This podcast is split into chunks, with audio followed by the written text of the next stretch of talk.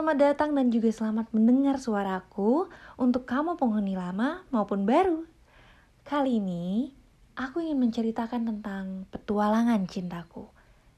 Eh, by the way, sorry nih, disclaimer, ada suara kalungnya kucing aku. Oke, lanjut.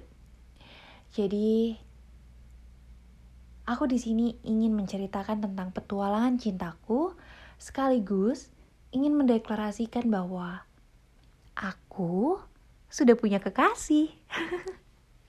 Tapi jika kamu telah melihat judul podcast sebelum ini atau mendengarnya, maka harusnya kamu sudah tahu itu. Sebelumnya, aku sudah pernah menulis ini di caption Instagram pribadiku.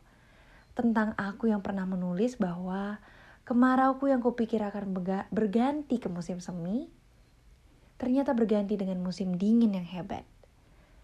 Tapi, semesta begitu senang bercanda. Dibuatnya waktuku seperti musim pancaroba yang sulit ditebak. Tapi yang jelas, pagi hariku saat ini dimulai kembali dengan musim semi yang indah. Ada amin yang selama ini kupupuk dalam-dalam pada harapan. Ada amin yang selalu aku semogakan dalam doa, bahkan sebelum aku tahu siapa yang akan datang ke depannya. Tepat di penghujung tahun, aku masih menulis tentang betapa riuhnya isi kepala, juga tentu patah hati yang belum bertemu obatnya. Ya tentu saja, itu sebelum teryakinkan oleh dia, kekasihku. Sebenarnya, masih ada cemas dengan bahagia yang aku pikir cukup tiba-tiba ini. Takut, kalau-kalau harus kubayar dengan duka. Faktanya, tidak ada yang tiba-tiba.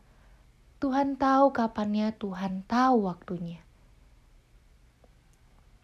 Aku dan kekasihku melalui perjalanan panjang dengan waktu yang sebenarnya tidak sesingkat itu.